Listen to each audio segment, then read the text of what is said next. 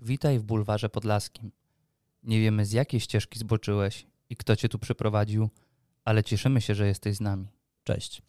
Jeśli jesteś tutaj po raz pierwszy, to musisz wiedzieć, że gospodarze i goście bulwaru podlaskiego nie szczypią się w język, używając okazjonalnie niecenzuralnych słów. Dlatego też nasza audycja w kilku fragmentach może być skierowana do osób z niską wrażliwością lingwistyczną oraz dorosłych. Subskrybujcie, Lajkujcie, podawajcie dalej. A nasze szeptuchy zapewnią wam zdrowie i dobrobyt.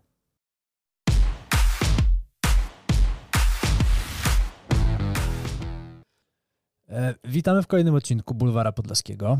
Dzisiaj na jedyneczce e, były gwiazdor piłki amerykańskiej, tak zwanego soccera, Krzysztof Ufnel. Witam serdecznie i były gwiazdor piłki jajowej tak zwanego futbolu amerykańskiego na dwójce, czyli Konrad Mariański, a naszym gościem, jedyny i niepowtarzalny, Marek Morus Bodo. Witamy cię, Mareczku. Witam Państwa serdecznie z tej strony.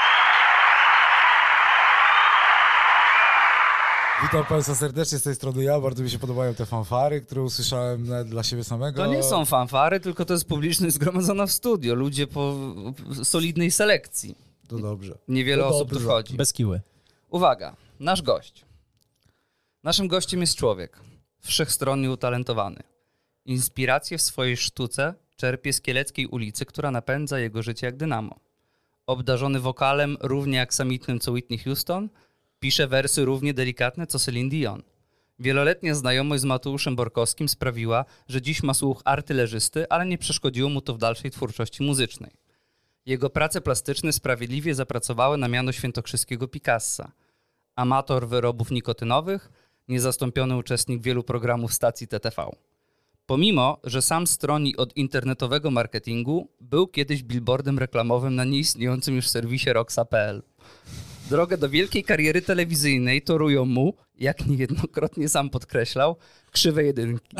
Jedyny, niepowtarzalny Marek Morus Bodo. Oj, no. Witamy ponownie.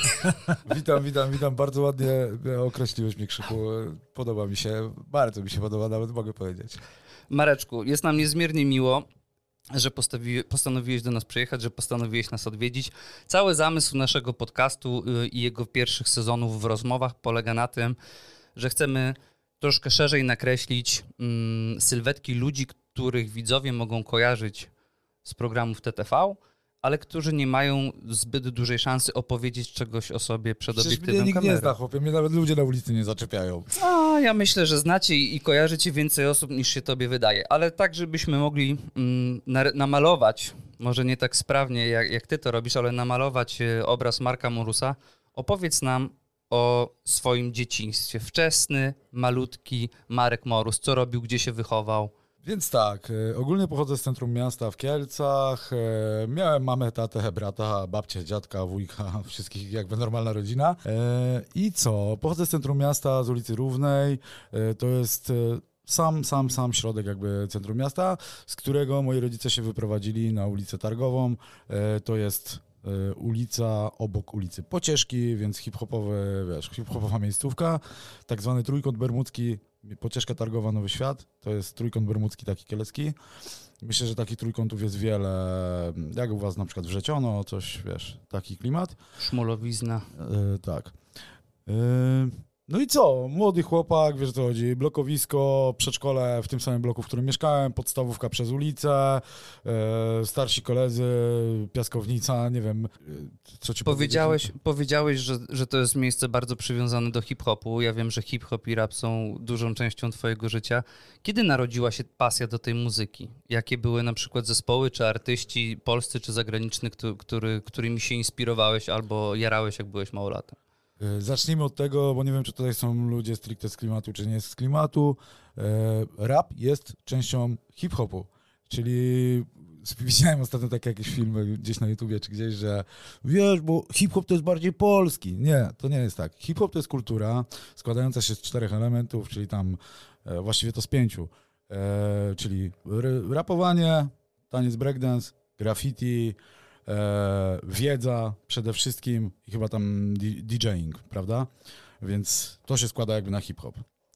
E, ja pochodzę z miejsca, z którego większość ludzi uważa, że w Kielcach zaczął się polski hip-hop. Znaczy Leroy wydał pierwszy singiel, a miesiąc po tym Wzgórze Ja Patrzę wydało płytę i później Leroy wydał całą płytę Scyzoryk. E, I to były jakby, po, no, że to niby pierwsze hip-hopowe jakby takie twory właśnie, Mhm. e, rapowe twory. Więc ja jestem z tego podwórka, na którym się to zaczęło. I czyli rozumiem, że naturalną koleją rzeczy było to, że inspirowałeś się Leroyem, tak? Czy to on Tak. sprawił, że zakochałeś się w hip-hopie E, muzycznie? W pewnym sensie tak, e, ponieważ chociaż powiem ci, że nie, bo pierwszy, pierwszą muzykę, jaką słyszałem hip-hopową, to był zespół 3 litry. E, Notabene pozdrawiam chłopaków, bo jeden z nich jest wiceprezydentem Kielc, Marcin Chłodnicki. E, Drugi jest Bartek Brulionman, mój kolega, fotograf zajebisty e, też jest, więc ja usłyszałem najpierw tego Nielegala 3 litry z zespołem Cytadela, nie pamiętam kto był w zespole Cytadela, bo to było bardzo dawno temu, miałem nie wiem ile lat i dopiero później po tym usłyszałem Leroya. No i tak, ale jakby chyba każdy z nas przeżył boom w pewnym momencie na to, co robił Piotrek, więc można powiedzieć, że też się nim zainspirowałem. Bo on chyba nawet na tej swojej pierwszej płycie, czy w pierwszych wywiadach mówił, że najważniejszą rzeczą to jest się właśnie wyrwać z takiego miejsca, jakim była pocieszka, a że ja mieszkałem ulicę obok, to też się chciałem stamtąd wyrwać. To ta muzyka do ciebie przemawiała. A kiedy zacząłeś wsiąkać w ten świat hip-hopu, zacząłeś y, szukać jakichś, jakichś zagranicznych artystów? Co, czego słuchałeś, jeśli chodzi o, o taką może muzykę z oceanu, za wielkiej wody? Na samym początku w ogóle, mój drogi kolego, yy, słuchałem dużo bardzo punk rocka, jeździliśmy na rolkach i na deskorolkach, ale nie było nas na nie za bardzo stać, więc yy, ktoś nam złamał deskę, to już przestał jeździć.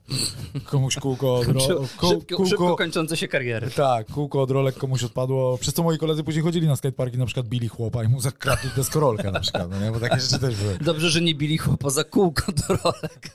Nie, no ale, ale zdarzały się takie rzeczy. Zagraniczni artyści, Zagraniczni muzyka. artyści.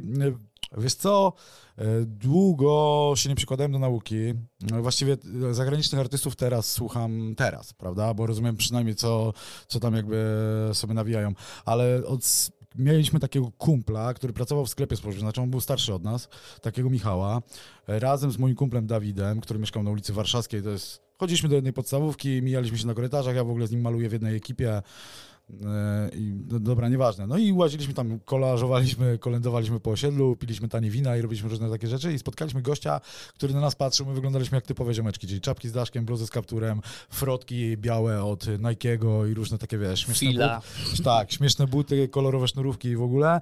I on mówi, chłopaki, wiecie co, bo ja słucham bardzo długo rapu i ten, i mam bardzo dużo kasek. Ty, to daj nam, to sobie przegrywamy. On mówi, nie, ja wam dam, bo ja się wyprowadzam, przeprowadzam się, muszę komuś to dać, a widzę, że wy jesteście nie?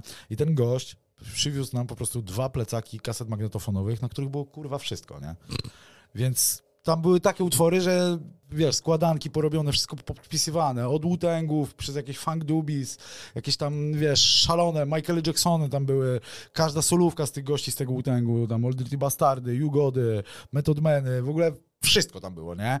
I to były dwa plecaki kaset, którymi my się podzieliliśmy. Czy to była polski rap. twoja pierwsza encyklopedia muzyczna? E, trochę tak, chociaż miałem sąsiada, który mieszkał na parterze i on miał brata siostrzecznego, e, który miał bardzo dużo e, Naughty by Nature i różnych takich, jakiś przywoził jakieś tam, jakieś, nie pamiętam, czy to był Limp Bizkit chyba, z, e, miał kolaborację taką z Method Manem, czy tam z Wutangami jakieś, miał szalone jakieś takie, zawsze od nich miałem jakieś tam kasety, zawsze i miałem też kolegę, który mieszkał parę bloków dalej, który zajmował się troszeczkę graffiti i on też zawsze skądś tam miał jakiegoś brata gdzieś tam w innym mieście, ktoś to przywoził, wiesz, kasety się prze- przegrywało. Później zacząłem tańczyć breakdance, jak byłem dzieciakiem, e, więc e, na tych zajęciach, na które chodziliśmy, przychodzili ludzie z całego miasta i każdy coś miał, więc się wymienialiśmy tymi, tymi muzycznymi różnymi, wiesz, artefaktami. To fajnie, bo ta, ta kultura żyła sama w sobie, tak? Nawet w takiej ma małej jednostce, jak tam gdzieś twoje, twoja przestrzeń dziecięca czy młodzieżowa, to, to mogliście, mogliście razem w tym partycypować. Ale dzisiaj ty jesteś chyba posiadaczem dość dużej kolekcji winyli, tak? No, tak, ale nie są to winyle hip-hopowe, kolekcjonuję polskie wokalistki. Tak? A jaki jest najlepszy winyl, jaki byś polecił z po polskich wokalistek? Szaza. Kurde, Krzyku, ciężko mi jest teraz powiedzieć, nic mi nie przychodzi do głowy, ale świetne sample są na Annie Jantar. O. Ja wiesz co, ja zawsze chciałem, bo zacząłem też bity robić, no nie? To już trochę późno, bo już mam 36 lat, no nie? Ale zacząłem też muzykę robić, kupiłem sobie taką maszynkę, beat maszynkę i tam sobie zacząłem, zacząłem stukać i ten.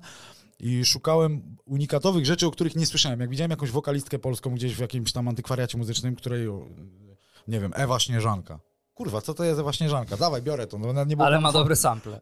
I tak, i szukałem właśnie takiego czegoś, przez to no, no, urobiła mi się taka kolekcja, no nie? Gdzieś tam jak coś znalazłem e, na YouTubach albo na jakichś tam stronach z samplami, kojarzyłem artystę.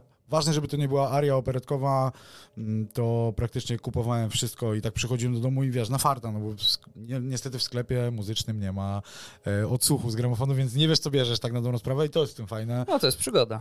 I próbujesz sobie, wiesz, e, coś tam znaleźć, wyciąć. Jak paczki w FIFA. Trochę jak paczki FIFA, nigdy nie wiesz, kto się Albo jak trafi. pieniądze w chrupkach w 97. O, O, tak, tak było. W Lejsach chyba były Tak. pieniądze. Lejsach. 10, 20, 50. Stówę no. można było trafić. Nagana miał wtedy 4 lata. Trafił stówę? Nie wiem. Być może, Pewnie dowiemy tak. się. Powiedz mi, no widzę, że mocno stąpałeś po tych filarach hip-hopowych, które mi wymieniłeś, Tak, to tak. rozumiem, że miłość do graffiti narodziła się w tym samym czasie. Dlaczego w ogóle to się wzięło? Skąd się to wzięło? Dlatego, że ja mieszkałem w kolejowym bloku. Wiecie, jak wcześniej za komuny było, że zakłady pracy budowały sobie osiedla, jakieś tam różne rzeczy. I u mnie Jesteśmy na na targo... takim osiedlu. To wybudowało FSO. Aha. E, U mnie na osiedlu, czyli na ulicy Targowej, są trzy bloki, w których mieszkają sami praktycznie kolejarze, albo potomkowie kolejarzy, albo jacyś tam przypadkowi ludzie, ale większość to są ludzie, którzy pracują na kolei e, w Kielcach. E, Więc ja, będąc dzieciakiem, albo już będąc w podstawówce, czasami chodziłem sobie do mojej mamuśki do pracy, prawda? Bo gdzieś tam, nie wiem, po jakieś pieniądze, nie wiem, cokolwiek. Albo babcia mnie, nie wiem, odbierałem z babcią, moją mamę z pracy, szliśmy sobie gdzieś na obiad, coś tam, albo gdzieś. Wszystko się działo dookoła centrum. Więc ja chodząc przez, e, wzdłuż linii kolejowej, e, albo, no widziałem pociągi pomalowane, no nie? Pociągi Po- to po- zawsze było najlepsze płótno. tak, tak. Widziałem tego dużo i to były takie, wiesz, to mnie fascynowało. I później zobaczyłem też mury i mój kolega, który mieszkał parę klatek dalej, e, po prostu zaczął to robić, nie? Bo też jeździliśmy często, mieliśmy darmowe przejazdy, więc jak wjeżdżałeś do jakiegoś miasta i widziałeś te kolorowe e, rysunki wszędzie, to wow, co to jest w ogóle, no nie? Więc zaczęliśmy to... A jakby- przejawiałeś jakieś talenty plastyczne wcześniej? nie, ale mój brat przejawiał i ja byłem strasznie jakby zazdrosny o to, że on to potrafi, więc też zacząłem rysować. I cała moja faza z rysowaniem jest taka, że ja się nigdy nie, znaczy nie urodziłem się z talentem artystycznym, tylko po prostu go jakoś tam wypracowałem i nie potrafię malować, znaczy potrafię, mam, wykształciłem w sobie wyobraźnię, dzięki której mogę robić pewne rzeczy, ale nie jest tak, że się urodziłem z talentem. O. A Czyli pamiętasz jestem jakieś, to były, pi- pierwsze dzieła to były jakieś proste tagi? na linii kolejowej na takim murku e, namalowałem głowę UFO i napisałem UFO is the best. To jest mój pierwszy graffiti, jakie zrobiłem na linii kolejowej. Nie? Myślałem, że tory malowałeś. nie, trawy na zielono też nie malowałem, chociaż miałem takich w bloku, co malowali. Rysiu Szmergiel mieszkał u mnie w bloku taki, to malował trawę na zielono czasami. Na kacu. To dzisiaj moglibyśmy to sprzedać jako polskiego Banksiego. A skąd w ogóle i jaka jest geneza ksywki Morus? Skąd to się wzięło? E, e, Jestem z rozbitej rodziny. Moja mama po rozejściu się z moim ojcem jakiś czas później miała faceta, Irka takiego.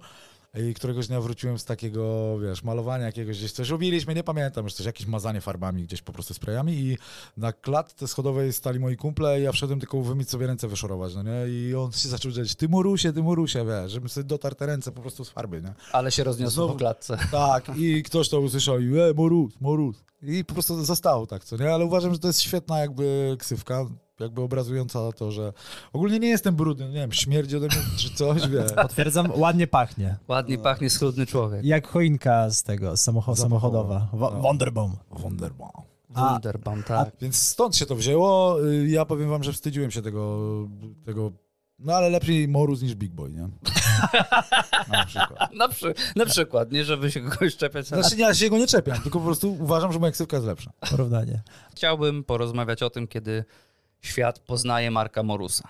Świat poznaje Marka Bodo, czyli rozpoczęcie przygody w programie Gogglebox. Jesteście jedną z czterech, dobrze mówię? Czterech ekip, która występuje od początku. Jak wspominasz w ogóle st- start albo udział w tym programie? To, to był dla ciebie jakiś szalony, w ogóle kosmiczny pomysł poza strefą twojego komfortu, mówiąc dialektem e, mówców motywacyjnych, czy, czy po prostu to był pełen spontan, mówisz, dobra, robimy, siadam i, i co trzeba zrobić? Zgłoś o castingu usłyszałem od mojego znajomego, który pracuje w telewizji, więc to nie było tak, że był casting na Facebooku, tylko ja po prostu usłyszałem, nie?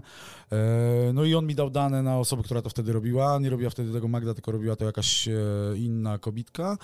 E, I co? No i zgłosiliśmy się też internetowo. Oczywiście wysłaliśmy zgłoszenie, nasze zdjęcia, krótki opis, wiecie co chodzi. I po prostu przyjechali do nas na casting jak normalnie.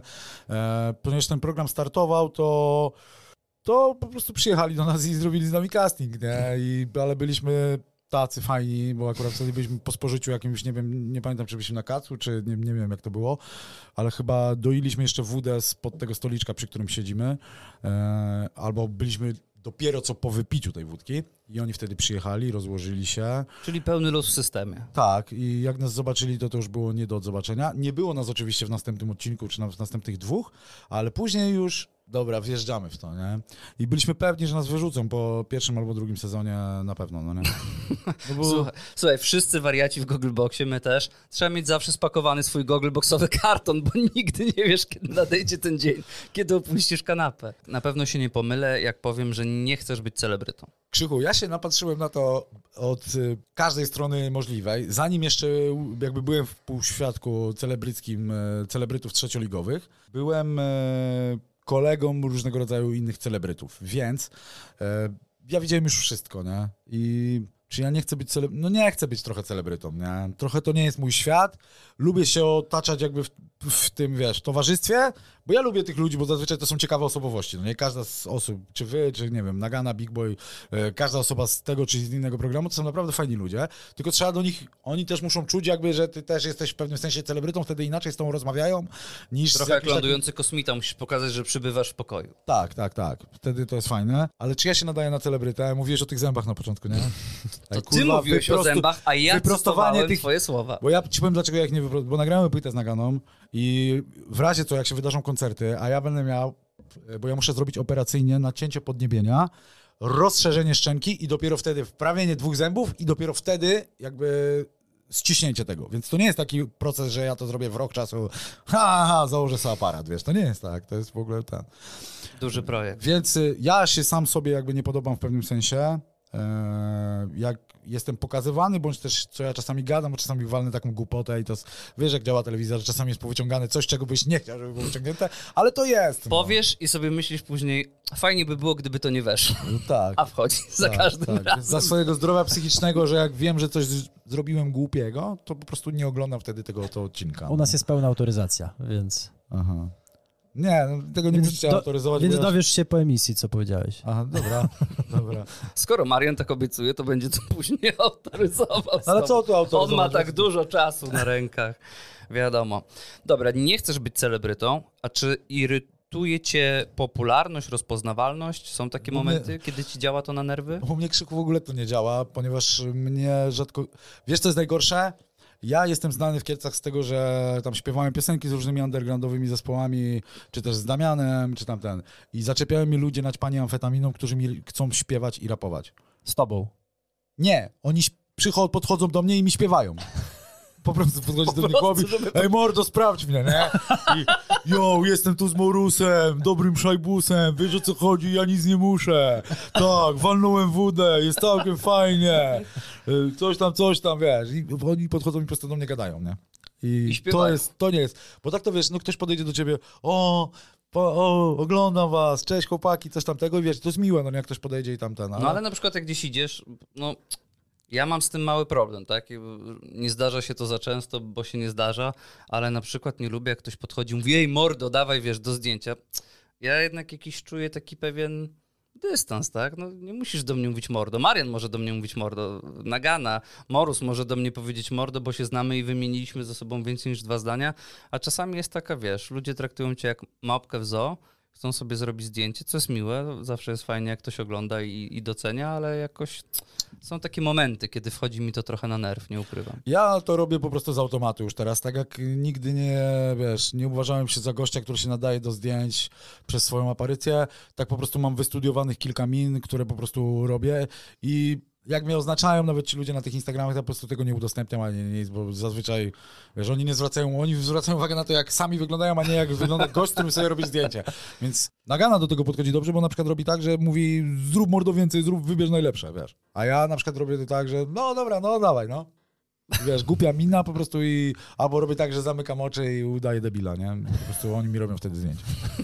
Ale poddaję się temu w, ca- w całości, bo ja rozumiem, że wiesz, nie można być niemiłym gościem po prostu dla tych ludzi, którzy się cieszą, że cię zobaczyli. No nie? tak, to, to, to racja. Słuchaj, nie chcesz być celebrytą, nie przeszkadza ci popularność, jakbyśmy jej nie określili, jakiej skali byśmy nie użyli, ale zdarzyło ci się, zdarzyło ci się wygarnąć czasami w internecie, że nie jesteś zapraszany do niektórych projektów w TTV i to były moje ulubione kawałki, bo na przykład pamiętam jak było taki cykl gotowanie z Michelem Morą i tu wjeżdża Marek Morus i mówi, kurwa, ja tyle lat przepracowałem w gastronomii i nikt mnie nie zaprasza, czyli potrafisz walczyć o swoje interesy. No i tak mnie nie zaprosili. Czyli nie potrafię, nie? Ogólnie nie wiem, co oni sobie myśleli, że ten, ale... Bo ja bym tam poszedł i to by było na pewno śmieszne i bardziej oglądalne. Bo ty masz duże doświadczenie w gastronomii, To prawda? jakieś 5 czy 6 lat przepracowałem, więc No to wiesz. spore. Łokciem cebulę ukroisz. Tak. Głową bigos wymieszam, wszystko jest okej. Z kitu. Jak producent tego programu nas szuka i będą robili nową reedycję. Ale ja nie chcę już tam iść, człowieku. Ja bym się nie dogadał z tym Francuzem. Lubię francuski rap, ale... Michel, przepraszam cię bardzo, ale już nie chcę. Ja chciałem wtedy. Wtedy chciałem. Do usterki też mnie nie wzięli. Kurwa, no tak. No. A ty znasz ten filmik, co szukają, co chłop głową bigus miesza? Nie. O, A, to pewnie o Piotrka chodzi. O masaża, o Piotrka. Marek zna. Ja to wszystko obejrzałem cały internet. Ale jednak no, nie jest tak tragicznie. Ta walka przyniosła jakieś skutki, bo e, tak jak my wszyscy gdzieś tam pojawili, pojawiałeś się tak z, z chłopakami w Byłem różnych- z wami w Budapeszcie. Byłeś z nami O. w Budapeszcie. To Big Boy wam dupę pokazywał, ale wycięli to. Nie? Dzięki Panu Bogu. Bo samo centrum Budapesztu i dostaliśmy tak zwaną e, mrocz, mroczną cie, część ksi- księżyca, e, której nie chcieliśmy na pewno oglądać. Szkoda, że czarna dziura tego nie wciągnęła. ja wam, z, z, y, słuchaczom chciałbym to zobrazować. Po prostu szliśmy z jedną ekipą, nie mieliś y, po jednej stronie jakby tak jakby torów tramwajowych, tak, tak. A wy byliście po drugiej stronie i nagle Big Boy zaczął krzyczeć swoim fanom, aaa, tym swoim. Czekaj, przypomnijmy. Tak, właśnie. To wyglądało tak i nagle wszyscy ci ludzie po drugiej stronie ulicy spojrzeli się na nas, wy żeście na nas zwrócili uwagi, a Big Boy podszedł do krawędzi, gdzie przejeżdża po prostu tramwaj czy jakaś ko- kolejka podmiejska, jakaś SKMK i on po prostu wypiął dupę do nich. Nie? Nie, nie, bo jeszcze krzyknął e, patrzcie wy warszawscy pederaści, co było dla nas krzywdzące, bo chłopaki są z Podlasia. Pokazał gołą dupę. I pokazał dupę, ale nie tak, że jak hydraulik, Tak. Tylko całą... Całość. jak do roboty. Do połowy uda. Ale minę musieli mieć ci ludzie, co tam stali. Ty, kurwa, ty, jakie Polaki przyjechały, dupę pokazują. Nie. Już wiem, co oni kręcą. Węgier, Polak, dwa bratanki, tak? Tak. I od dupy od szklanki. No i od tamtej pory się nie, nie dogadujemy z Orbanem. Em, jednak po tych e, wieloletnich staraniach nadszedł moment, kiedy zostałeś odrobinę wyizolowany ze swojego kieleckiego trójkąta bermudzkiego Tak. i zostałeś uczestnikiem programu Kanapowcy. Daj spokój. No. No, Daj spokój z tym programem. chciałbym dać spokój, ale jak gdyby moja wewnętrzna ciekawość na to nie pozwala. I tak, format jak wiadomo ma kilku uczestników, Tak. ale byłeś po raz pierwszy, występowałeś, no nie chcę tego sformułowania użyć, bo pewnie będzie bolało po uszach, ale występowałeś trochę w charakterze gwiazdy, bo jesteś znany z telewizji. I czy czułeś podczas realizacji programu, czy później podczas jego oglądania, że miałeś, e, Fory? to nie, trochę większą moc grawitacyjną, niezależną od masy, e, niż inni uczestnicy, że trochę więcej akcji działo się wokół ciebie? Tak, czułem i czułem też, że ten program był po części oparty na mnie i na mojej osobie, dlatego że ja jestem po prostu z Googleboxa i że jestem z tego magicznego trio. E, czułem to, e, ale nie sądziłem, że będzie to pokazane w taki sposób aż i... No i co? No i jakby nie miałem żadnych forów, musiałem robić to samo, co wszystko, co chłopaki. Jedyne, co mogłem robić, to mogłem uświadamiać im niektóre rzeczy, przebywając po prostu z chłopakami, spędzając z nimi na przykład noce gdzieś w jakimś tam, spaliśmy gdzieś w hotelu, czy tam nawet gdzieś, gdzieś byliśmy na jakichś zdjęciach, to, to, to był jedyny mój plus, że ja wiedziałem, jak to wszystko wygląda.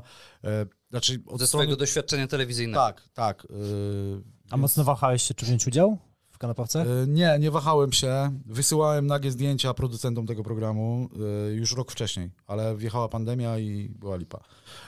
Nie wahałem się, tylko nie sądziłem, że to będzie aż tak ryjące czaszkę, w sensie odchudzanie, nie?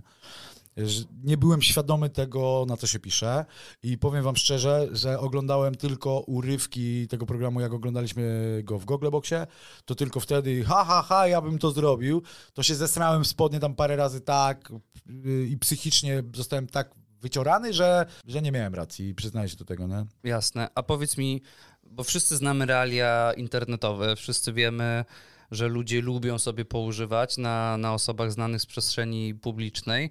Czy nie bałeś się, idąc do tego programu, że właśnie trzeba pokazać dużo więcej niż w Googleboxie? Bo tak jak zawsze z Marianem powtarzamy, w Googleboxie wszyscy jesteśmy trochę chórzystami, tak? Albo jesteśmy częścią wielkiej kapeli, jak ktoś ma gorszy dzień, to możesz się gdzieś ukryć, a tutaj byłeś w programie, gdzie naprawdę trzeba wpuścić widzów, Ja e, za szeroką kurtynę i, no. i kulisy i musiałeś pokazać dużo swojego życia, pokazać swoją rodzinę, gdzie mieszkasz, jakie masz relacje z mamą.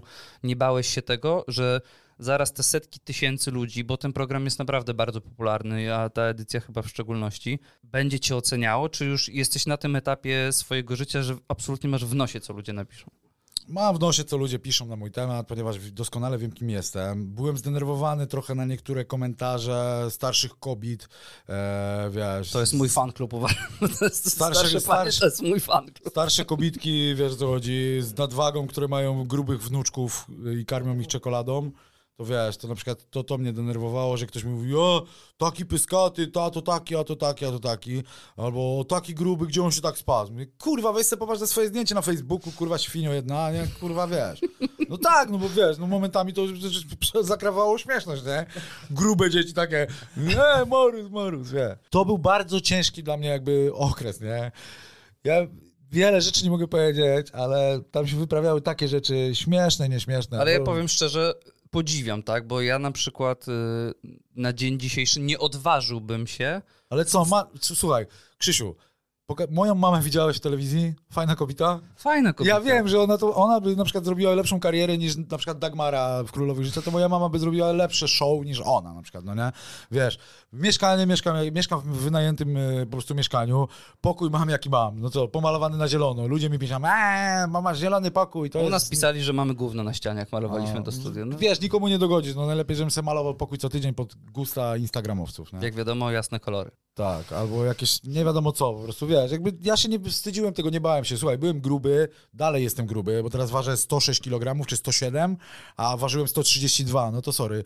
Nawet jeżeli przytyłem teraz te parę kilo, bo było 99, jak yy, byłem... Kończyłeś. No, no, mniej więcej w piku tym takim, że jeszcze byłem w programie, było 99, więc ja i tak miałem trzeci wynik w ogóle z wszystkich kanapowców, z, w ogóle z wszystkich edycji, więc o co to kurwa chodzi? To co, to jestem chuj? Bo nie wiem, bo odszedłem z programu? No ale no wiesz, tak jak mówię, dlatego ja tym bardziej podziwiam to, że wziąłeś w tym udział, bo ja dla mnie już ten etap pokazywania rodziny, czy jak się mieszka i, i wysłuchiwania, wyczytywania tych opinii byłby w ogóle nie do przeskoczenia, tak? Więc y, już na tym etapie samym mogę ci pogratulować, a, a wynik mówi sam za Krzysiu, siebie. masz boazerię w pokoju? e, W, w korytarzu? Jeszcze nie. Mamy na górze. Macie. A, tutaj. na górze tutaj tak. No właśnie. No. Co, chcesz zerwać? Wstydzisz się boazerii? Słuchaj, to nie ja kładłem tą boazerię, to nie jest moje mieszkanie. Potraktowałem to jak plan filmowy, jeszcze mi za to zapłacili, że po prostu...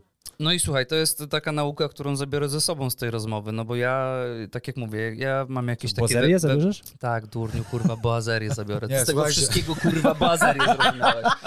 Nie, ej, słuchajcie, bo wy żyjecie w ogóle... Krzyku, mieszkasz w Warszawie, rozumiem, że kolegujesz się z Marianem, z Felkiem, więc y, widziałeś różne rzeczy, ale ten, mieszkasz w Warszawie i was bardziej jakby to, że mieszkacie tutaj dotyka, bo więcej tu ludzi mieszka, które się tu najechało i oni was znają. Wy na pewno jesteście bardziej rozpoznawalni w Warszawie, jako wy, niż my w Kielcach, jako my. Ja nie wiem, Rozumiem. bo ja rzadko wychodzę z domu. A jak jestem, ale powiem wam, Marian jest magnesem rozpoznawalności. Jak idę gdzieś sam, to się nic nie dzieje. Jak jestem gdzieś z Marianem, ale to jest... No, to tak to Rozmawiamy, działa. ludzie, ludzie głos słyszą. Może głos słyszą, może poznają te rumiane policzki, ale jak jestem gdzieś z Marianem, to przysięgam, jak byłbym Albo boją z się tylko do ciebie podejść. podświetlanym szyldem, przyjdź się przywitać. Marian tak, działa na ludzi. Ja mam tak samo krzyku z naganą, jak idę. Jak ja idę sam, to też mnie nikt nie zwraca na mnie uwagi, nie wiem. Może dlatego, że nie wiem, czapka, Schudłeś może dlatego. albo może też, no nie? Ale jak idziemy we dwóch, a jak idziemy już we trzech, jeszcze ten gruby idzie z nami i krzyczy, to już jest w ogóle najgorzej, nie?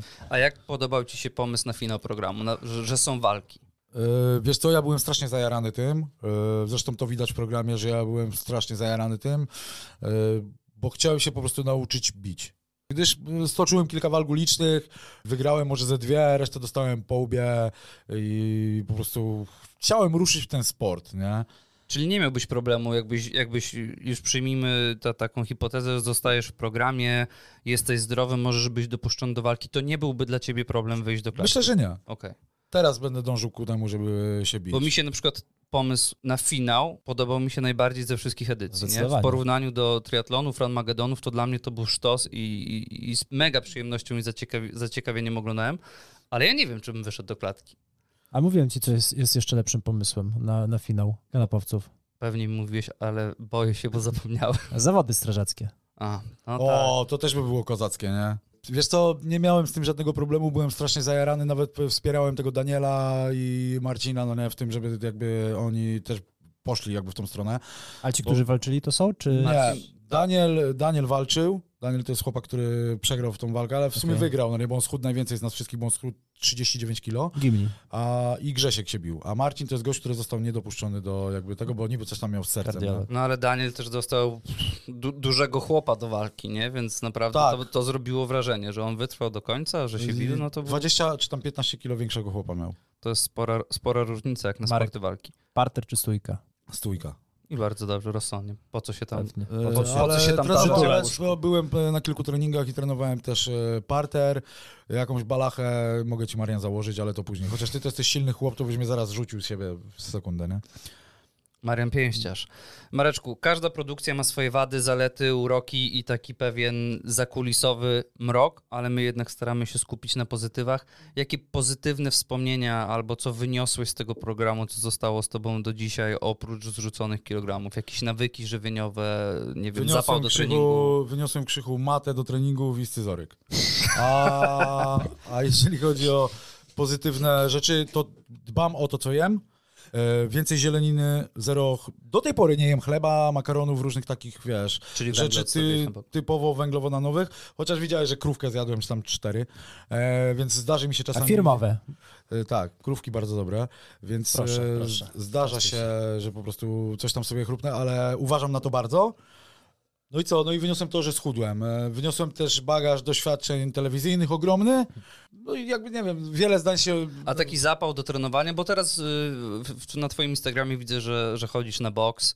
To się, nie wiem, miałeś w sobie takie, takie wewnętrzne, taki wewnętrzny głos, żeby coś zrobić i się poruszać już przed programem, czy ten program jak gdyby skłonił cię do tego, żeby to zrobić, zostać z tym i być konsekwentnym? Cała geneza krzychu po- polega na tym, że po prostu, wiesz, w momencie, kiedy ważysz 132 kg i udajesz przed samym sobą, że okej. wcale nie jestem, kurwa, mać gruby, nie? Patrzysz się, robisz sobie zdjęcia z góry, żeby nie było widać ci difterytu pod, pod brodą i robisz jakieś pewne rzeczy, które... No co ty, 3XL, kurwa, jakieś małe te koszulki robią. Wiesz, jakieś tam w ogóle, wiesz, wwalanie sobie do głowy jakieś rzeczy, że, że nie wiem, że, że mniejszą rozmiarówkę teraz robią, wiesz, daj spokój, nie? Więc e, cała geneza w ogóle mojego chudnięcia, tak, próbowałem, byłem na diecie pudełkowej, byłem na diecie, którą sam sobie próbowałem robić. Proszę ja ciebie, robiłem na przykład takie coś, że kupowałem sobie sól, e, e, brązową sól, to jest sól Epsom, to jest taka gdzieś na wyspie w Anglii, czy tam w Irlandii, to jest jakaś tam... Wyścigi konne Epsom są bardzo E, popularne. Jest taka sól, brązowa sól, nie? Jak to wypijesz, dostajesz biegunki, nie? I na przykład próbowałem sobie tak czyścić jelita, e, próbowałem, nie wiem, robić różne rzeczy, żeby schudnąć i po dwóch, trzech tygodniach po prostu przestawałem to robić i znowu e, nie adaptowałem się do żadnej z tych diet, bo każda dieta jest dobra, tylko trzeba na niej wytrzymać jakiś czas, nie? Dwa, trzy, dziesięć miesięcy, jak wytrzymasz na jednej diecie, to i tak schudniesz, i tak schudniesz, no nie? A ja po prostu po miesiącu nie zauważając różnicy, mówię, a pierdolę to i po prostu re- rezygnowałem. Brakowało cierpliwości. Marek, jeszcze zanim zaczęli, zacząłeś przygodę w kanapowcach, to pamiętam, byłeś chyba albo razem z Naganą twarzą pewnej marki od suplementów. Tak, i mam te suplementy do tej pory i dopiero teraz z nich korzystam, powiem ci. Tak, y, ja jakby chodziłem na siłownię i znażarłem się tych suplementów tak, że zamiast schudnąć to przytyłem jeszcze bardziej, nie? Więc wiesz, to... Zawsze czytajcie etykiety. To właśnie, to jest najlepsze, płynie. nie? Oblało mnie wodą człowieku, białka kreatywne, żebym się nażarł i dawaj będę jadł, nie? Po trzy koktajle białkowe dziennie piłem, nie? I później mówię, co ja taki jestem gruby i ulany, nie? Siły faktycznie miałem więcej, nie? W 60 trzaskałem, wiesz, jakieś ten, ale Boże, co ja ze sobą zrobiłem, no nie? A później mnie tak nerki bolały, że musiałem człowieku koper, koperek jadłem, kupowałem sobie koperek, żeby moczopędne wszystko, co było, bo musiałem sobie przepukać nerki, kurwa, wie. Piwsko piłem, wie. Daj spokój, nie? Ja chciałbym tylko spiąć taką pewną małą dygresją i klamrą e, cały, cały wątek kanapowców. Chciałem powiedzieć, że jako wierny widz i fan programu Gogglebox okrutnie cierpiałem, kiedy byłeś chowany w waszym kieleckim mieszkaniu, żeby nie zepsuć tego efektu wow, kiedy pokazano, jak schudłeś w kanapowcach, bo uważam, że nie ujmując nic kolegą, kielecka kanapa bardzo wiele straciła na twojej nieobecności. Naprawdę, to, to się może tak e, wydawać, jak się widzi 200 odcinków, to jesteś już przyzwyczajony, a później to tak samo jest u nas. Jak kogoś nie ma, kogoś brakuje, to to jest zupełnie Inna inna energia. energia. Mogłeś matulę dać tymczasowo na ten, na podmiankę. Ona by, A, ona, mogłeś dać matula. ona, by, ona by Mateuszka ustawiła. Tak, tam Co? zrobiłaby porządek na Słuchaj, kanapie. siedzenie z tymi dwoma pyszałkami jest bardzo trudne i sam widz zauważasz, że na pewno czasami jestem po prostu zakrzykiwany i zagłuszany i strasznie mnie to irytuje i denerwuje, ale po prostu przestałem z tym walczyć. Bo ty jesteś trochę takim gościem, y, który siedzi na środku kanapy i bardzo dużo się odzywasz jakby, no nie? W sensie ty jesteś tym pierwszym frontmanem, no nie? Ekipy waszej. I u was Felek jest kimś takim jak ja, czyli po prostu on sobie tam siedzi i czasami coś powie, czasami nie tego, nie? Strasznie mnie to boli, kurwa, że oni mnie tak po prostu, że mnie tam nie ma tyle, ile bym chciał, nie? Bo ja czasami tam momentami gadam takie głupoty gorsze niż niektórzy bohaterowie naszego programu, nie będę wymieniał, ale ja bym chciał po prostu więcej, a nie da rady, no nie? Podzwoni, jest- podzwonimy po ludziach, podzwonimy po ludziach. Przypomnimy się, przypomnimy się. Wróćmy, wróćmy do, do twojej wielkiej pasji, do twojej wielkiej miłości, czyli wróćmy do hip-hopu. Jak już wspomniałeś, towarzyszy ci od zawsze, a kiedy została podjęta decyzja, że chcesz nagrywać, że chcesz być raperem? Jakie Oj. były początki tego? Wiesz co, to była jakaś gimnazjalna albo podstawówkowa jeszcze faza, że takie coś jak dzisiaj się nazywa podcastem, to my nagrywaliśmy razem z kumplami siedząc w domu na kasetę magnetofonową, po prostu gość miał nowe, nową, nową jakąś wieżę i siedzieliśmy i gadaliśmy głupoty po prostu i nagrywaliśmy to wszystko na kasetę, nie? I później ktoś to I później usłyszał. gadanie się przerodziło w rapowanie. Tak, w jakieś śpiewanie różnych piosenek, czyli robienie coverów e, jakichś dziwnych zespołów e, punk rockowych albo jakiś tam, wiesz, Bikcyca, żeśmy byliśmy fanami Bikcyca za dzieciaka, więc mieliśmy taki, zakładaliśmy sobie taki pseudo zespół, no nie? Ja później sobie myślałem, że kurde, fajnie by było rapować, ale nie mieliśmy na czym, nie mieliśmy mikrofonu, nie mieliśmy, nikt nie miał komputera. No i powoli gdzieś tam się wyklarował, ktoś miał komputer, ktoś zaczął robić muzykę, skądś dorwaliśmy podkłady i próbowaliśmy pisać pod to i takie freestyle bardziej robiliśmy pod ten. No i krok po kroku się to przewijało. Później poznałem jednego ziomka, który robił to lepiej, albo też chciał to robić, bo reszta miała na to wyjebane. Ktoś to chciał robić poważnie, ktoś to robił muzykę swoją własną. No i wiesz, no i tak krok po kroku, krok po kroku poznawałem różnych ludzi, aż w końcu A kiedy myślisz, że nastąpił taki przełom, gdzie poczułeś się, że mm, z nagrywania na, na nową wieżę, z, takiego, z takich żartów, wiedziałeś, że teraz robisz coś na poważniej i że naprawdę zaczęło ci na tym zależeć? Eee, Wiesz co, poznałem, do mnie do podstawówki chodził, chodziło dużo wybitnych postaci, między innymi Liro i tam między innymi różnych, no ale tam chłopaki z osiedla ode mnie. Mm, nagrałem z nimi, mieliśmy zespół w ogóle hip-hopowy, nazywał się SPR, czyli Śródmieścia Prawa Ręka. No i z nimi jakby, wiesz, y, nagraliśmy tam e, taką jakby płytę demo i poczułem, że wiesz, że kurde, że to jest fajna sytuacja. Później jeden z moich kolegów, z którym rapowałem w zespole się powiesił, nie? I to ja sobie... jest niefajna sytuacja. No i jakby sobie wymyśliłem, że kurwa, muszę zrobić to dla niego. Nagraliśmy dla niego w ogóle piosenkę, ale odzew jakby naszej twórczości, naszej muzyki w takim składzie, jakim był, był po prostu kurwa nikły, nie? Tam było po 200, podejrzewam, że teraz jest po 300 wyświetleń, no nie? Nie wiem, jakoś to po prostu, nie wiem, nie siadało ludziom, czy nie wiem co. No i ja sobie zacząłem pisać, pisać, pisać, pisać i gdzie mogłem, to się dogrywałem, do kogo mogłem, to się kolegowałem i no i później poznałem Naganę i zaczęliśmy pić dużo wódki. I wiesz, u Nagany było studio w domu, z koksem piłem, z naszym kumplem też. Wszystko przez wódkę, wiesz. Myślę, że przełomem było, przełomem było, było poznanie Larkina, który znał wszystkich undergroundowych raperów, który mieszkał u mnie za ulicą, chodził do mnie do podstawówki. I z nim łażenie na imprezy. Ja wtedy też się przeprowadziłem z Kielc do Skarżyska, moja mama sprzedała mieszkanie, tam miałem różnych problemów, dużo takich domowych, o których nie chcę za bardzo gadać Jasne. ale, ale dzięki niemu poznałem Kantonę z Letniego Chamskiego Podrywu, Antona, jakiś tam, wiesz, różnych raperów znajdę, Naganę, No i wjechała wtedy woda na ostro, marihuana i, i robienie różnych dziwnych, kurde, śmiesznych rzeczy. I wiesz. Zaczęły się dobre refreny. Tak. I później poznałem e, Norka, przez Norka poznałem Boriksona, przez Boriksona poznałem już wszystkich innych już w ogóle jakichś dziwnych ludzi. I no i imprez hip-hopowych było bardzo dużo, nie? Więc, e, więc tam poznawało się różnych ludzi. A my byliśmy wyróżniającymi się e, jakby raperkami, ponieważ freestylowaliśmy, co nie? Więc wbijaliśmy na imprezy i po prostu zawsze musiały być freestyle. No wiesz, jak Nagana przegrał bitwę freestyle'ową z jakimś chłopem, to Koksu sobie rozbił kufel na głowie, czy tam jadł szklanki i musieli zamknąć imprezę. Jakaś była taka w ogóle historia, nie? Bardzo honorowo koledzy podchodzili Więc do waszych Tam porad. się działy różne takie rzeczy śmieszne, nie? Ale ogólnie Kielecki harakiri. Roz, rozbijasz kufel na łeb. tam się butelki, w ogóle, wiesz, jakby ciężko mi, mgliście bardzo to widzę, tak żeby poprzytaczać jakieś różne rzeczy, ale wydaje mi się, że to było to, no nie? Było bardzo dużo imprez rapowych, bo były czwartki, pamiętam, w takiej knajpie Chill Out i wtorki były w efekcie motyla, nie? Oprócz tego miałeś jeszcze między, w międzyczasie sobotę, niedzielę i każdy miał wyjebane na pracę i na wszystko, tylko żeby był melanż i wiesz, byliśmy dzieciakami mocno turbo hip-hopowymi. A, A za, czy- zafreestylujesz na koniec dla nas, Mareczku? Nie wiem, czy będę potrafił. Dobra, to, to zobaczymy. Spróbujemy. Zero presji. Czy na tym etapie twojego życia nagrywasz jeszcze rap z miłości do gatunku, czy nagrywasz z nadzieją, że nadejdzie przełom, na który, nie wiem, czekasz, na który masz nadzieję? Znaczy tak, z Naganą nagraliśmy płytę, która jest, wiesz, mocno bombapowa, a jeżeli chodzi o moje solowe produkcje, to bardziej to jest Mickiewicz na dropsach, nie? Czyli ja w ogóle kleję wersy, zdania i zwrotki, które rozumiem w większości tylko ja. Mm, I ludzie doszukują się, które są pełne metafor, różnych dziwnych. E, nie wiem, jak to opisać. Ale no. są one bardzo osobiste, bo ja słuchałem płyty Chernobyl Kids i Jest tam dużo różnych dziwnych, wiesz, tam jest dużo, narkotykowo-depresyjnych rzeczy. No. dużo zabawy słowem, ale to, jest, to nie jest taka płyta, gdzie sobie ją wrzucę, żeby mieć lepszy humor, bo to jest jak spuszczenie trochę kowadła na łeb. Ja miałem przynajmniej takie wrażenie, jak sobie to Bo taka miała być.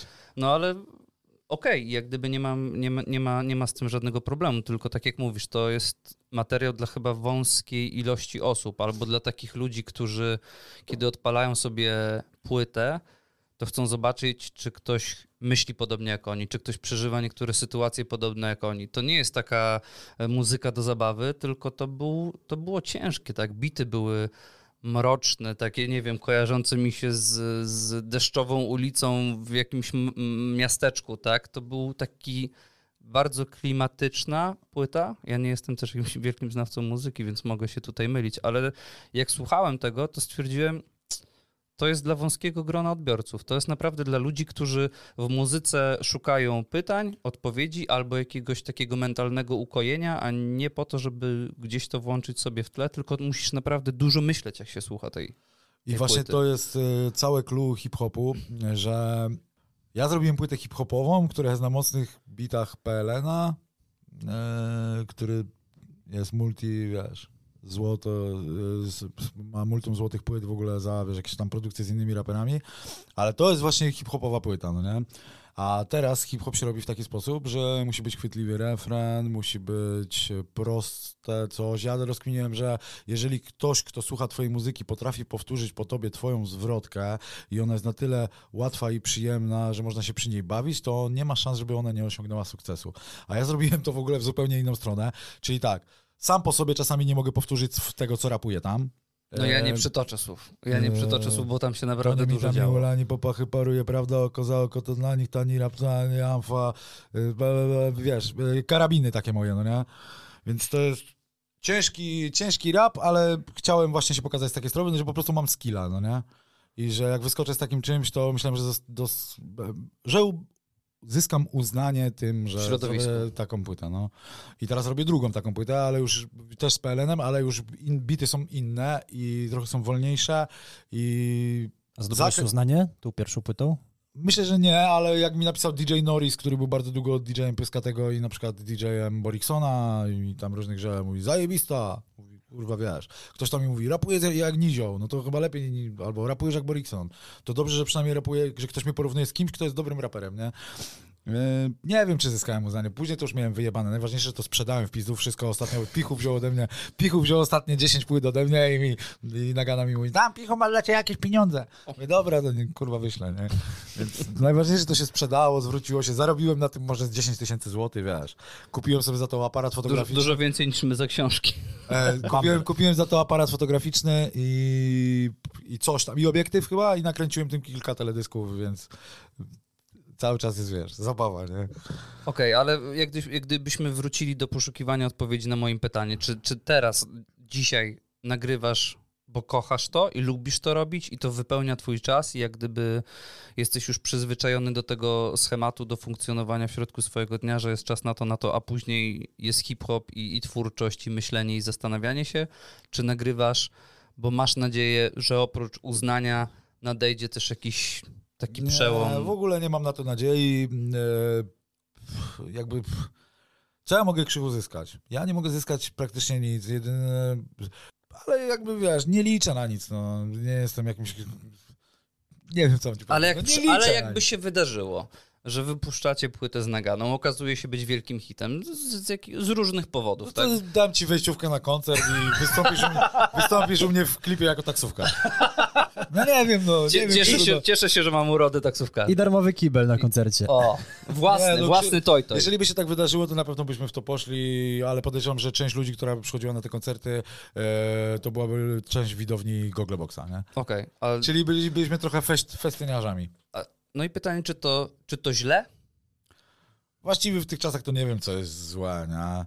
Nie wiem, ta muzyka cała zrobiła się po prostu taka, że hip-hop stał się popem i nie ma tutaj, nie można zarzucać tym gościom niczego, poza tym, że po prostu hip-hop stał się popem, bo jest najpopularniejszym rodzajem muzyki, nie? Praktycznie, wiesz, no teraz wpychają ludzie, część z tych artystów jest po prostu wykreowana, nie są to ten, ale ci, którzy nie są wykreowani, też są pompowani przez y, wielkich majorsów, więc No ale takie, takie są chyba czasy, że ktoś chce wejść w jakiś projekt komercyjnie, to musi chyba sprzedać ten kawałek siebie, tak mi się wydaje. No, nie życzę wam tego, życzę wam, żebyście mogli zawsze pozostać, robić to, co kochacie w takiej kanwie, jaką uważacie za słuszną, ale pamiętam, e, no może nie jest to artystka hip-hopowa, ale jest to Natalia Schroeder, która uważana jest jako za jeden z lepszych głosów jazzowych i zapytali się jej, dlaczego nie nagrywa jazzu, tylko stara się nagrywać pop. Bo ona powiedziała, że z jazzu się nie da opłacić rachunków, więc y, wydaje mi się, że to jest w pewnym sensie motywacja niektórych tych artystów. Po pierwsze, tak jak sam zauważyłeś,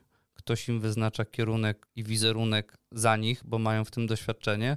I ktoś, to jest ta ktoś im napisze tekst, tak, ktoś, Ktoś im zrobi bity i ty tylko musisz wyjść za Pokazać mikrofon twarz. i pokazać To twarz. doskonałym e, produktem takim jest po prostu ekipa, nie? gdzie BRO pisze teksty, Donatan robi muzykę i każdy zarabia na tym hajs taki, że ja nigdy nie widziałem takich pieniędzy. To jest świetna rzecz jakby, no nie? I to się da zrobić, no nie? Ale to wcale nie jest powiedziane, bo na przykład, wiecie co, w zagranicznej muzyce, nie wiem, Dr. Dre na swoją płytę 2001 to część bitów robił Scott Storch, no nie? Albo był współproducentem, albo coś. To nie Dre tam stukał. Dre coś tam wystukał, a ktoś zrobił to za, niego resztę. Więc to jest od wielu lat, tylko się po prostu o tym nie mówi, no nie? Jest bardzo dużo ghostwriterów, którzy... Mes jest zajebistym ten typ Mes, no nie? Jest zajebistym ghostwriterem. Ostatnio widziałem na internecie takiego gościa Grande Connection, czy coś takiego, e, który wyjaśnia tam tych, tych, że on niby pisał teksty jakimś tam raperom i on też wyjaśnia. Musicie sobie zobaczyć takiego gościa, Grande Connection. On chyba No. Dodzie pisał ten typ mes w ogóle. Bardzo możliwe. Parę no. kawałków. Więc e, ten hip-hop stał się popem i my sobie możemy mówić tutaj, że jesteśmy jakimiś tymi... Cieszę się, że ja jestem dalej hip-hopowcem, bo czuję się z krwi, e, z krwi kości hip-hopowcem. Co prawda graffiti maluję mniej, nielegalnie, ale zdarzało mi się, że nawalony wódą łaziłem i waliłem srebra po prostu se sam. A gdyby hip-hop z dnia na dzień został zakazany i Marek Moros musiałby wybrać inny rodzaj muzyki? To albo funk, albo jazz. Czyli artysta. Znaczy nie, wiecie co, Czy disco polo? Słuchaj, jak ja bym był, jak, gdybym ja, Marian, był disco polowcem, to uwierz mi, że zarabiałbym bardzo dobre pieniądze na tym Ja bym sam na koncert przyszedł. Marian szuka kogoś do kafeli, dlatego cię tak podchodzi. Nie, bo to nie jest trudno napisać disco polowy kawałek, no nie, wiesz o co chodzi. Trudno jest napisać ich 10, ale jeden to nie, wiesz. Zgadzam się. Masz jeszcze jakieś mądre pytania, słodka, Frędzelku? Miałaś piękne oczy e, z wielkim uwielbieniem. Chciałbym cię zaskoczyć, a te usta twoje, la la la, były takie piękne, la la la. Były takie słodkie, la la la. Chyba dziś cię dotknę, la la la. Kurwa, człowieku. Ja mogę No chórki i wchodzimy robić. na jedynkę. Ja z la la la la na pewno sobie poradzę. Mareczku, teraz całkiem poważnie, bardzo, bardzo poważnie nawet bym powiedział. Zawsze podziwiam ludzi, którzy mają e, jakieś utalentowanie artystyczne. Niezależnie od tego, czy to jest śpiewanie, czy pisanie piosenek, robienie bitów, rysowanie, malowanie, graffiti. Wymyśliłeś, powiedziałeś wszystko, co ja robię. E, Widzisz, dlatego jestem dla ciebie pełen podziwu, ale jest coś, co podziwiam w tobie jeszcze bardziej niż twoje walory artystyczne. I to jest to, że często mówisz o depresji i stanach lękowych i Wow, mówisz o tym otwarcie i według mnie to jest mega ważne, bo jesteś facetem, który w przestrzeni publicznej kojarzony jest z programem rozrywkowym, który ma na swoich social mediach dużo pozytywnej, zwariowanej treści, ale pomimo to potrafisz często właśnie mówić o tym, że masz problemy psychiczne i moim zdaniem to jest mega ważne, że ludzie tacy jak ty są na tyle odważni, żeby o tym opowiadać publicznie. I naprawdę czapka z głowy przed tobą, bo to są rzeczy, o których powinno się mówić, tak? To, za to się nie dostaje pieniędzy. Nikt, zakładam, y, żaden PEFRON, NFZ nic ci nie płaci za to, że od czasu do czasu y, powiesz ludziom, że, że masz trudniejsze chwile psychicznie i naprawdę Jak mam napady- darzę cię jak- dużym szacunkiem za to, Marek. Jak mam napady depresyjne i nerwicowe, to wrzucam czarno-białe zdjęcia na Instagrama. Więc jak przejrzycie, to czasami są czarno-białe, czasami są normalne. Albo, albo nie wrzucam w ogóle. E, Cała sytuacja z moją nerwicą wygląda w taki sposób, że ja byłem użytkownikiem różnego rodzaju sortu, różnego rodzaju i po jakimś czasie po prostu odpuściłem ze wszystkim. Przestałem pić, przestałem jarać jointy, przestałem robić inne rzeczy i minęło od tego czasu bardzo dużo. I znaczy minęło tego czasu bardzo dużo i w pewnym momencie e, miałem kilka stresowych sytuacji w życiu, które sprawiły, że... Były takim zapalnikiem? Tak. E, A przede wszystkim chodziło o alkohol, o duże, po- picie trzy razy w tygodniu, no to nie jest, wiesz, to nie jest jakby e, nic dobrego.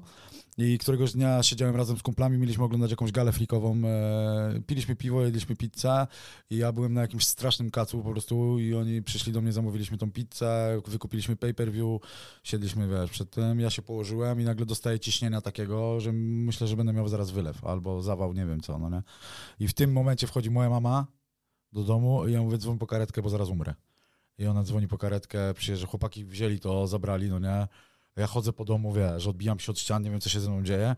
No i wiesz, pojechałem do lekarza, no, przyjechała karetka, yy, od razu hydroksyzyna pod język, jakaś tam wpsikana, jakieś tam, wiesz, rzeczy pod język powpsikiwane, yy, zastrzyk i wszystko, uspokoiłem się, pojechałem do szpitala, co się ze mną dzieje, no nie. Yy, No nie mogą mi zrobić tomografu, bo coś tam, no nie. I za, już wtedy pracowałem na kuchni, więc za bardzo nie, miałem, nie mogłem opuszczać, jakby, bo miałem grafik ustalony, ale po dwóch czy trzech dniach pracy znowu dzieje mi się taka sama akcja wieczorem. Przyjeżdża mój z, mojego znajomego ojciec, przypadkowo takiego diabła, mojego kolegi ojciec jego jest e, sanitariuszem jakby i mówi, nie możemy pana zabrać. No to mówię, no to co mam zrobić? Wal głową o szafkę, głową o szafkę, zawijają mnie po prostu do karetki, jadę do szpitala, e, robią mi wszystkie badania z moim sercem, z głową, wszystko jest w porządku i nagle okazuje się, że jestem zdrowym człowiekiem. Więc kurwa, co jest grane. I tak zdarzyło się jeszcze raz pod koniec tygodnia. Pojechaliśmy w nocy, o drugiej w nocy, bo ja nie wiedziałem, co się ze mną dzieli. Da- Zjadłem tą hydroksyzynę, czy tam walnąłem pod język ze dwie te tabletki. I zeszło do mnie, do mnie ciśnienie i mówi lekarz do mnie tak, panie, pan jesteś tutaj już trzeci raz, spędzasz pan noc trzeci raz na oddziale, więc musi pan pojechać do psychiatry, bo najprawdopodobniej ma pan depresję albo nerwicę. A mówię, co kurwa? Czyli co, jestem chory psychicznie? Nie, nie jest pan chory psychicznie, ale musi pan jechać do szpitala psychiatrycznego. No i pojechałem do szpitala na ulicy Kusocińskiego, notabene kilometr od mojej pracy, w której pracowałem wtedy. Pogadałem w nocy z ordynatorką, to była trzecia w nocy i ona mi powiedziała, panie, słyszysz pan głosy? Nie, nie słyszę. Co się panu dzieje? Mam skoki ciśnienia, uciskanie w głowie, czuję jakby mi ktoś wbijał gwóźdź w mózg, nie? Bo to jest takie uczucie czasami. No i dali mi, dała mi ta kobieta po prostu, przepisała mi te leki i mówi tak, niech pan się zwolni z ty, tydzień, tydzień albo dwa tygodnie te leki będą się w panu ten i będzie coraz lepiej, coraz lepiej, coraz lepiej. I przez tydzień codziennie czułem się jakbym umierał, tak trzy razy dziennie czułem się jakbym umierał, nie wiedziałem co się dzieje, no i musiałem się pigułami gasić, nie?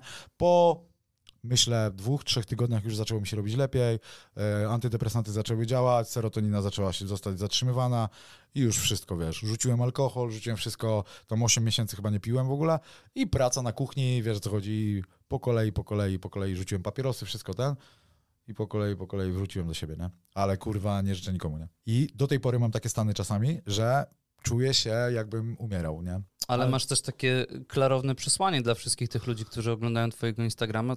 Zachęcasz ich, żeby się nie bali, żeby gadali z ludźmi, żeby coś ze sobą robili, bo to nie są chyba takie rzeczy jak chmurka, co przyjdzie, zawiśnie nad tobą i później jakiś wiatr ją przewieje. Dwie chyba na 15 osób popełnia samobójstwo, nie? E, Ja mam akurat to szczęście, że. Bo z nerwicą i z depresją wiążą się różne rzeczy. Ja mam akurat nerwicę, nie mam depresji, Mhm. ale to jest bardzo cienka linia jedno od drugiego, bo stany depresyjne wprowadzają cię w ten. Jakby to jest bardzo cienka linia. Czujesz się, masz momentami takie coś. Ja miałem takie sytuacje, że nie wiedziałem skąd się to bierze. Że jest nagle tak, idziesz sobie ulicą, nagle jest tak i czujesz się jakbyś był w teledysku albo w programie telewizyjnym, nie wiem, że ktoś na ciebie patrzy, coś tutaj tego, wiesz, jakieś masz takie różnego rodzaju... Dziwny lot, to się nazywa derealizacja i... No i nic ci się nie wydaje, nie, wiesz, to nie, my nie jesteśmy, to jest zaburzenie tylko, no nie? Mhm. E, to nie jest żadna choroba psychiczna, tylko to jest zaburzenie. Niektórzy mają, że ich boli brzuch na przykład cały czas. Ja mam tak, że mi skacze ciśnienie po prostu jak chcę, niektórych boli brzuch, a ktoś ma coś innego jeszcze, no nie? Ale nie boję się o tym mówić w ogóle, bo to jest choroba naszych czasów, no nie? Przez stres, bodźce, przebodźcowanie dzieje się z nami naprawdę dużo złych rzeczy. Dalej jem te leki, e, czuję się fantastycznie, no ale na przykład jak mam kaca, bo od czasu do czasu mi się zdarza pić, powiedziałem, że już nie będę pił nigdy e, po ostatnim weekendzie, ale, ale zdarza mi się tak, że jak się napiję, to kac jest cztery razy gorszy i no nie współgra jedno z drugim. Już w życiu ci nie zaproponuję kieliszka. Nie, Marian, bo ja bym się napił. Słuchaj, jeden kieliszek i koniec nagrywania jest. No i to już jest koniec mojego dzisiejszego dnia i tak, jutro. nie mówię o dzisiaj, mówię ogólnie. Nie, mówię tak, jutro nie jadę do Kaśki, e, nie idę na boks, e, w piątek też mnie nie ma i w ogóle weekend to nie wiem, co będę robił. Chcesz porozmawiać o nowym etapie swojego prywatnego życia? O tym, że się zaręczyłem z O Kasią? tym, że się zmęczyłeś? Wiesz, Kasia nie jest z internetu, no możemy pogadać o tym, no co. No, zaręczyłem się po prostu z dziewczyną, z którą jestem e, prawie rok czasu, znam ją troszeczkę dłużej. E, No i co, normalna sprawa, wiesz, jakby zdecydowałem się na ten krok, już miałem się wcześniej na niego zdecydować, ale wszyscy moi kumple oczywiście mówili do mnie, nie no Morus, to jest za wcześnie, Kubie Za jakieś- dużo czasu z naganą spędzasz. Tak. Kubie, ku, kubie, kubie kolczyki albo coś tam, albo ten. Nie, wiesz. Czekoladę. I tak, I tak miałem ten pierścionek i myślę, że wybrałem najlepszy moment, bo to było największe zaskoczenie. No nie? Była brzydka, brzydka pogoda, wyszliśmy zapalić papierosa i ja po prostu, wiesz, miałem plan na to taki, że kupię pierścionek ze światełkiem jakby w środku, wiecie o co chodzi, że da się kupić taki, że otwierasz i nie, że gra melodyjka, ale że się światełko świeci. I chciałem ją po prostu w nocy obudzić, o trzeciej w nocy, "Ej, Kaśka, Kaśka, i jej to dać, nie? A zwariowała, i zaczęłaby krzyczeć na cały dom, wiesz, ojca, matkę by pobudziła, czy tam kogoś i, e, i by było show. Więc po prostu zrobiłem to najbardziej romantycznie, jak potrafiłem. Kwiatków nie wziąłem. Nagana dzisiaj w ogóle mi wytykał, nie? nie kwiatków nawet nie dałem. No on nie? to znany romantyk. Tak, Nagana, pierwszy, pierwszej klasy romantyk. Po, po nie? trzech zaręczynach. Więc tak jakby, wiecie co, zaręczyny to jest naprawdę krok taki, że kobieta twojego życia, nie wiem, wy jesteście chyba już, że tak już jest do przodu dobrze, nie? Są przypominajki u nas już. Aha. Ehe. Nie, są pytania, co jest z nami nie tak, że jesteśmy ciągle przed ślubem. Aha. E, więc co, myślicie, że popełniłem błąd, że tak szybko? Nie. Nie. E, Każdy ma swój czas, swoje tempo. I, i tam. Więc to co, myślę, że po prostu dorosłem do tego, mam 36 lat, no nie? Moja wybranka jest 9 lat młodsza ode mnie, ale jest naprawdę na tyle ogarnięta. Gratulacje. No, Boże, zakochałem się, nie? No i super. Tak się zakochałem, że ojej. Nie? Ale w Kielcach zostajecie. E, Nie w Kielcach, trochę za Kielcami, bo najprawdopodobniej ja się do niej przeprowadzę. Musimy trochę pomieszkać i zobaczyć, czy się nie pozabijamy. Przynajmniej jej tata tak powiedział. Mówi, Marek, weź się przeprowadź do niej, pomieszkacie se, zobaczysz wszystko tam. Bo tak, to wiesz, ty dojedziesz, ona dojedzie. No, mieszkanie razem to jest próba krwi, co? No, Próba no. charakterów. Próba ognia. Więc ja powiedziałem tak, dobra Kasia, przeprowadzę się do ciebie, ale pierwsze co, to musisz mi znaleźć jakąś melinę w piwnicy, po prostu, żebym ja miał tam jakieś studio swoje, czy coś takiego, no nie? No i ona ma kilka takich pomieszczeń, wiesz, to jest, nie jest jakieś super nowoczesne budownictwo, ale jednak przy kotłowni jest parę pomieszczeń, które mogę sobie... I ciepło zimą. Może coś takiego jak to? Tak, Tak, tak, przestrzeń tylko odrobinę niższe Okej. i większe. I co, i robię sobie taką melinę i będzie tam, będę się, siedział sobie tam i produkował muzykę albo, nie wiem, nagrywał coś, wiecie o co chodzi, takie mini studio w kit sobie zrobię. Żeby nagrywać na przykład prewersję jakichś kawałków. W ogóle jej brat gra na gitarze, to może mi coś tam nagra, ja sobie do tego dostukam beat i będzie, wiesz. zespół. Była moda na takie sample gitarowe, co? No, myślę, że momencie. dalej jest Cały jeszcze, czas no. jest. Cały czas jest. Żywe instrumenty zawsze są w modzie, no nie? Nawet teraz jest bardziej, wiesz, po tym, co Jimek ostatnio zrobił, wiecie co, ten koncert, co był taki hip-hopowy, duży, z orkiestrą symfoniczną, to już w ogóle e, każdy będzie chciał mieć jakiś tam żywy Na instrument. Coaster zrobił płytę jazzurekcję i część kawałków, podkład muzyczny zrobił na e, dziecięcych zabawkach. No, coś tam było, zdarzyło się mu tak, no, no, no. No. Jazzurekcja i Jazz w wolnych chwilach to są moje dwie ulubione płyty w ogóle, no nie? Jest Ostrego, a mam chyba wszystkie. Tak samo jak mam wszystkie płyty Eldoki, wszystkie płyty chyba Hady mam, chociaż ostatnio jak wracaliśmy z nadmorza z Naganą i słuchaliśmy całą drogę Hady, no to kryminałem jest to tak przesiąknięte, że... A ja się zjeździłem trochę po kryminałach, że nie, mówię, nie, nie, nie. Za dużo, za dużo kryminałów w kryminale. Marku, zawsze pytamy naszych gości, jakie masz marzenia na tym etapie? Co byś chciał, żeby się wydarzyło? Czy masz ja- jakieś wielkie, osobiste, e, muzyczne, telewizyjne? Wiecie co, ja nie mam w ogóle marzeń, tylko że nie powiem tak jak Big Boy. Ja mam bardzo przyziemne marzenia. Coś, co dla, dla kogoś jest podłogą, dla kogoś może być sufitem, więc ja marzę o tym, żeby mieć dom, rodzinę i właściwie to tyle i żeby moi bliscy byli zdrowi. Nie mam wielkich marzeń, bo nie mam też wielkich aspiracji i wszystko w moim życiu dzieje się troszeczkę na freestylu, e, tak jak ten e, Google Box, tak jak moje, wiecie co, występy inne telewizyjne i wszystko, co jest związane e, ze mną, to część tych rzeczy po prostu dzieje się na freestylu. Więc y, nie mam wielkich marzeń. Ja bym chciał mieć po prostu dom, taki jak jesteśmy tutaj na przykład i taką piwnicę jak macie tutaj i I to normalną, wystarczy. normalną pracę i po prostu żyć sobie, a resztę to już sobie sam zajmę czas, żeby nikomu nie robić krzywdy i przeżyć życie, wiesz, najlepiej jak potrafię, no nie? A czym się obecnie, Marek, zajmujesz zawodowo w ogóle? E, Drogi Marianie, e, ak- aktualnie e, startuję, wypełniłem wnioski o dotacje, chcę z e, Unii Europejskiej wziąć sobie pieniądze na sprzęty do filmowania, chcę profesjonalnie kręcić teledyski, bo nakupowałem sobie jakieś tam gimbali, pierdół, e, aparatów, różnych rzeczy i chcę po prostu pójść w to. Do, do, jeżeli przejdzie mi ta dotacja, to będę miał też kilka innych sprzętów i też na pewno zajmę się jakimś YouTube'em, e, tylko poważniej trochę i no i teledyskami, co nie? A zacząłeś taką serię, pamiętam, filmów dokumentalnych, a na temat po kieleckiego hip-hopu, czy Tak, takich tak, tak. ojców hip-hopu kieleckiego Tak, i tam dobre liczby chyba z tego, co pamiętam, te, te filmy No niektóre no, miały no po, ponad po 300 tysięcy miał tam jakiś film. Z Leroyem ma chyba film z 300 coś tysięcy, 350. E, Tylko, że to, wiesz co, to część z tych wywiadów była kręcona przeze mnie, a część była kręcona przez, większość była przez chłopaków, którzy robią to profesjonalnie, no nie? E, Pod profesjonalny sprzęt. No, zrobiło to szum, e, bardzo dużo raperów. Byłem na przykład na ostatnio na tym Sport Tedego, byliśmy we Wrocławiu, grałem nawet na tym i gadałem tam z jakimś CNE, to legenda, wiecie co, z Wiwy Polskiej na przykład ten. Mówi, kurwa, ty, oglądałem to, to, no nie? Tam ludzie mówią, że to oglądali, wiecie, raperzy, no nie? Więc zrobiło to jakiś szum. No, do, dotarliśmy do niektórych rzeczy i powiem wam, że łatwiej było nagrać ludzi, którzy mieszkają w Stanach albo w Niemczech, albo gdzieś, niż ludzi, którzy mieszkają w Kielcach. Nie? To jest, kurwa, ciekawe. Paradoks naszych czasów. Paradoks jest, że gościem pijesz wódkę, kurwa, pół życia i na przykład wypiłeś z nim, kurwa, nie wiem, 50 skrzynek wódki, robisz z nim różne dziwne rzeczy i na przykład Nie może się zebrać. ciężko jest mu się zebrać. A kogoś, kogo nie znasz, to kurwa pierwszy leci do tego, żeby się nagrać, nie? Marku, tak naprawdę było nam mega miło, że znalazłeś dla nas czas. To, czego możemy Ci życzyć, wnioskując o marzeniach, o których opowiadałeś, to dużo zdrowia I żebyś nigdy Dużo nie musiał już spokoju. wstawić czarno-białego zdjęcia na Instagramie. i żebyś miał same kolorowe zdjęcia Same na Instagramie.